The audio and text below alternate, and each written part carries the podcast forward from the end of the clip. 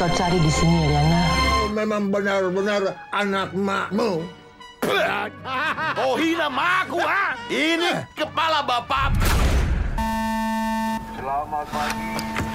Mungkin Anda sudah mendengar kalau kita kedatangan tamu tak diundang. Selamat bekerja. Dan jangan lupa bersenang-senang. Perhatian, perhatian! Erwin mau nurusin toko. Buat traktir pizza. Pizza, pizza. Nih roti nih depan mata. Buat traktir roti. Ya. Gembel. Bosan. Aku tuh sayang sama kamu sejak kamu di situ sampai sekarang. Kamu tuh nggak tahu kayak apa aku sayang sama kamu. Kamu tuh nggak Itu pernah. dia masalahnya, Gas. Aku nggak pernah bener-bener tahu. Kamu Milea ya? Iya. Aku Ramal. Nanti kita akan bertemu di kantin.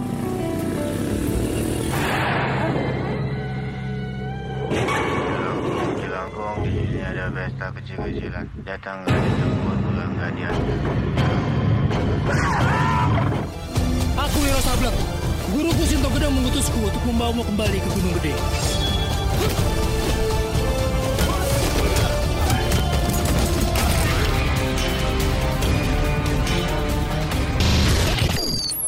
Heyo, saatnya kita mengobrol film.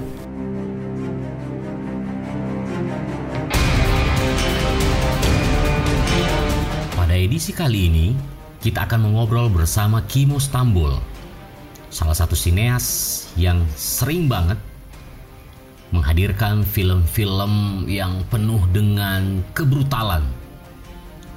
Film-filmnya itu sebelumnya antara lain Rumah Darah, eh, Killers, dan Headshot. Di tiga film itu, dia duduk sebagai sutradara ditemani Timo Cahyanto. Mereka berdua ini dynamic duo istilahnya. Julukannya itu The Mo Brothers karena sama-sama punya nama depan yang berakhiran Mo. Makanya muncullah sebutan The Mo Brothers itu. Nah, untuk pertama kalinya dia menyutradarai sendirian filmnya. Judul filmnya itu Dread Out. Ini adalah film adaptasi game yang berjudul sama, produksi Digital Happiness asal Bandung dan solo karirnya Kimo Stambul ini bisa dibilang menyusul apa yang sudah dilakukan rekan duetnya Timo Cahyanto yang juga bersolo karir menyutradarai sebuah film horor berjudul Sebelum Iblis Menjemput yang sudah rilis tahun lalu.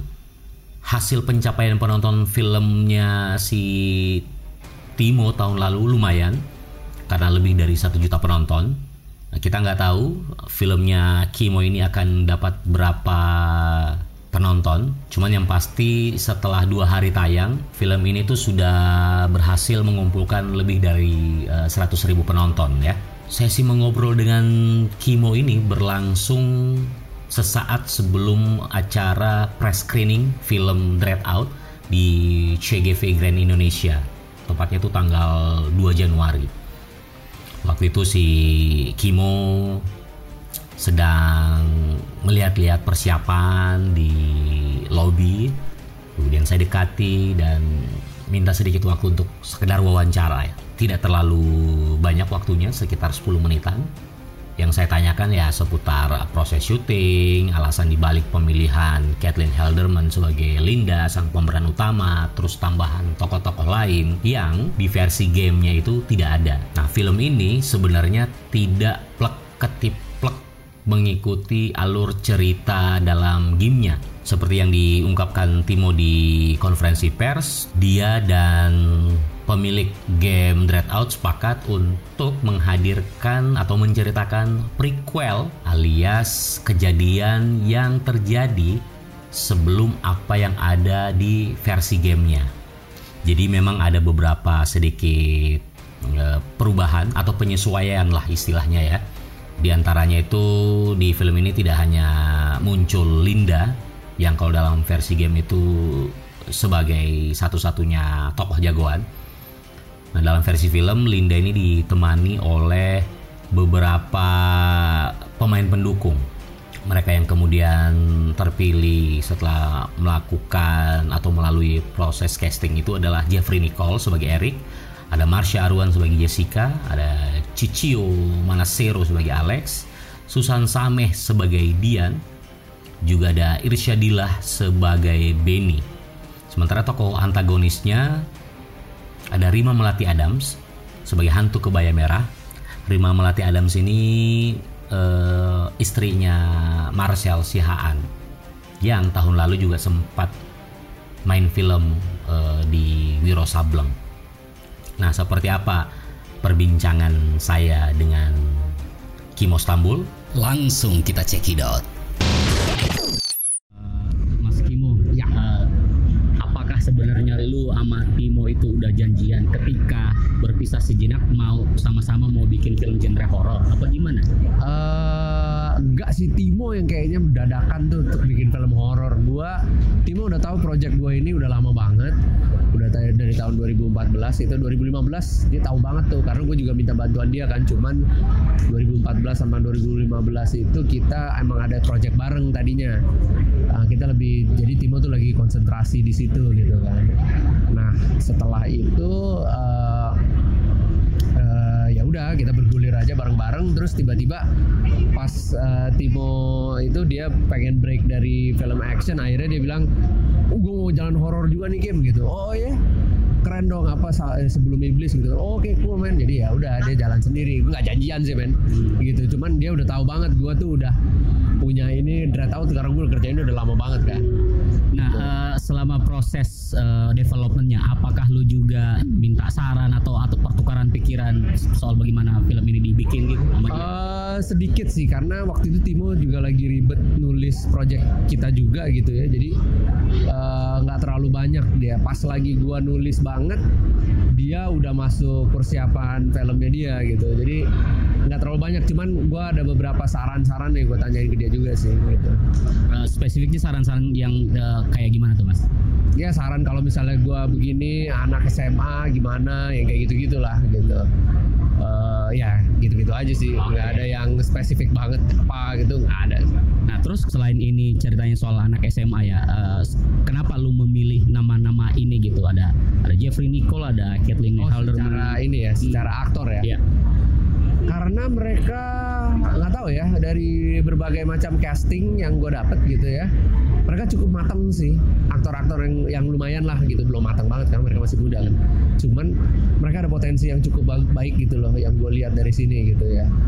Eh, dan dan karakter-karakternya kebetulan emang emang bisa bisa masuk dari pertama kali gue lihat mereka gitu. Kayak oh ini kayaknya secara fisik nih emang gue gambarin kayak gini deh gitu. Itu emang gitulah gitu loh. Maksudnya ya pas di screen test juga kelihatannya cocok lah sama karakternya gitu. Tapi untuk eh, aktor-aktor pemeran mereka ini eh, calonnya apakah emang saklek di mereka atau sebenarnya ada beberapa kandidat mas? Hmm, saklek di mereka nggak ya? Kayaknya ada, cuman akhirnya lebih cenderung ke mereka sih, Pak. Artinya berarti eh, castingnya terbuka bukan langsung Iya, dipanggil langsung langsung lock mereka gitu? itu enggak, enggak. Jadi ada beberapa pertimbangan, waktu juga gitu kan. Yang langsung lock tuh Linda sih, si Caitlyn. Si Caitlyn. Caitlyn, nah, Caitlyn tuh langsung lock karena kita ngeliat oh ya ini potensinya dia dan kecocokan dia gitu ya towards eh, dia gitu. Uh, towards karakter Linda gitu jadi gue gue langsung ngelock dia. Karena dia juga kan kalau kita nggak lock gue cuma takut em, apa ya gue cuma takut kita miss lagi dari waktu dan segala macam. Karena mereka mereka ini kan sibuk banget gitu kan. Gitu. Nah untuk mereka-mereka ini mas, lu ngasih mereka PR? PR-nya ya gue satu gue gue suruh mereka kayak ya itulah mainin gamenya dan segala macam itu gitu. Jadi emang yang lainnya apa ya? Yang lainnya mereka bonding juga pada waktu kita prep sih. Jadi emang apa ya fisik yang gue suruh sih mereka sih. Fisik karena gue udah terbiasa dengan aktor-aktor yang udah bisa physically bagus gitu ya demanding berkali-kali take dan segala macem. Gue ngelihat mereka kayaknya belum pernah nih main kayak beginian apalagi Caitlyn gitu belum pernah main film horor not even action.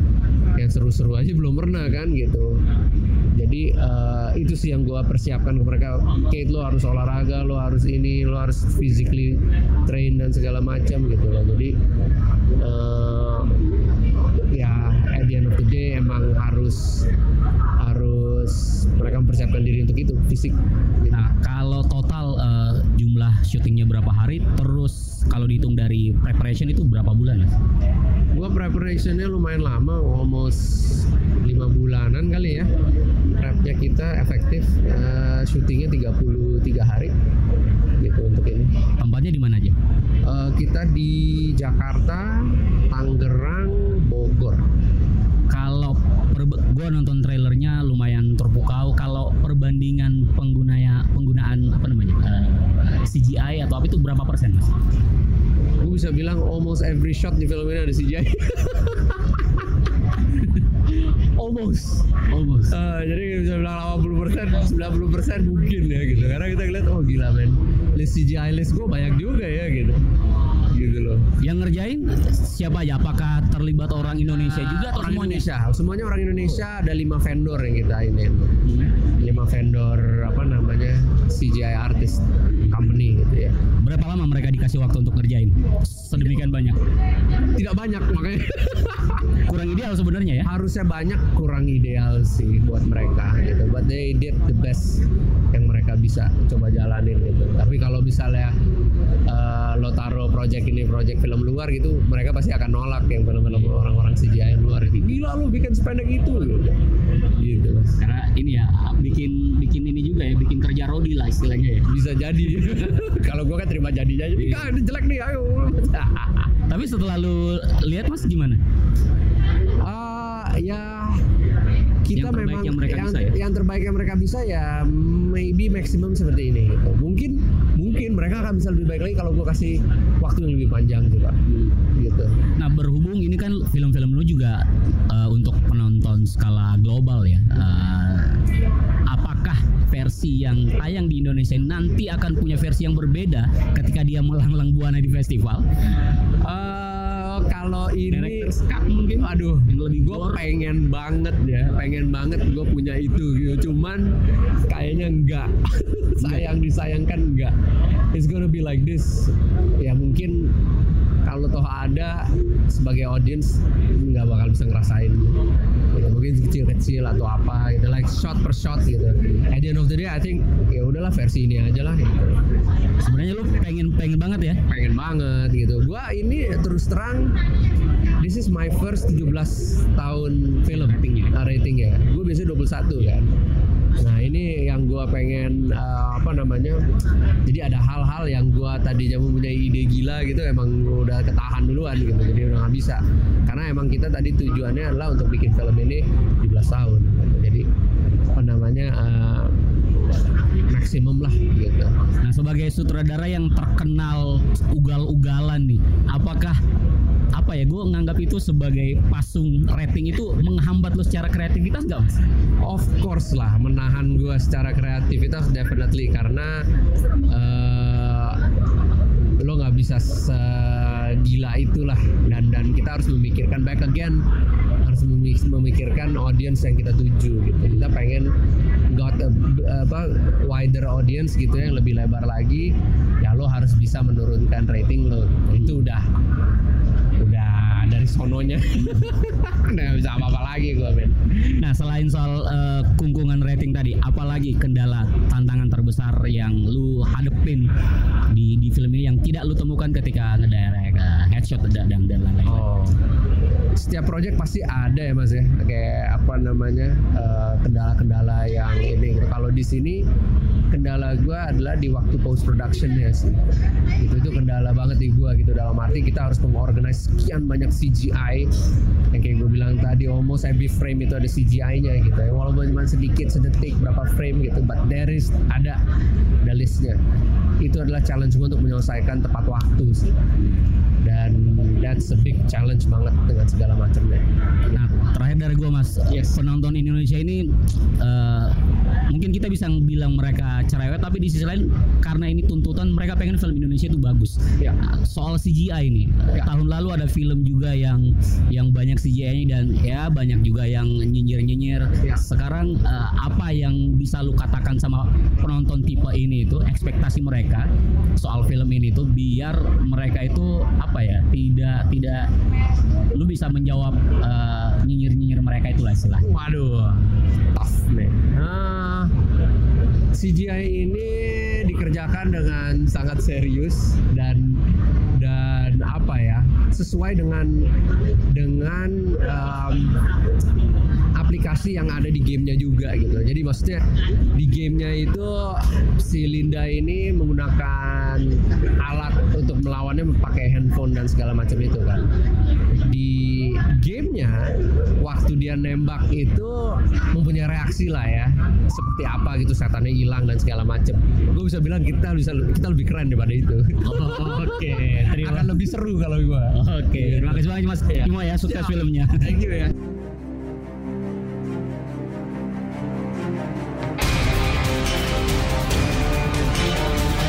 Demikian tadi mengobrol film kita. Terima kasih banyak sudah mendengarkan dan sampai jumpa pada edisi selanjutnya.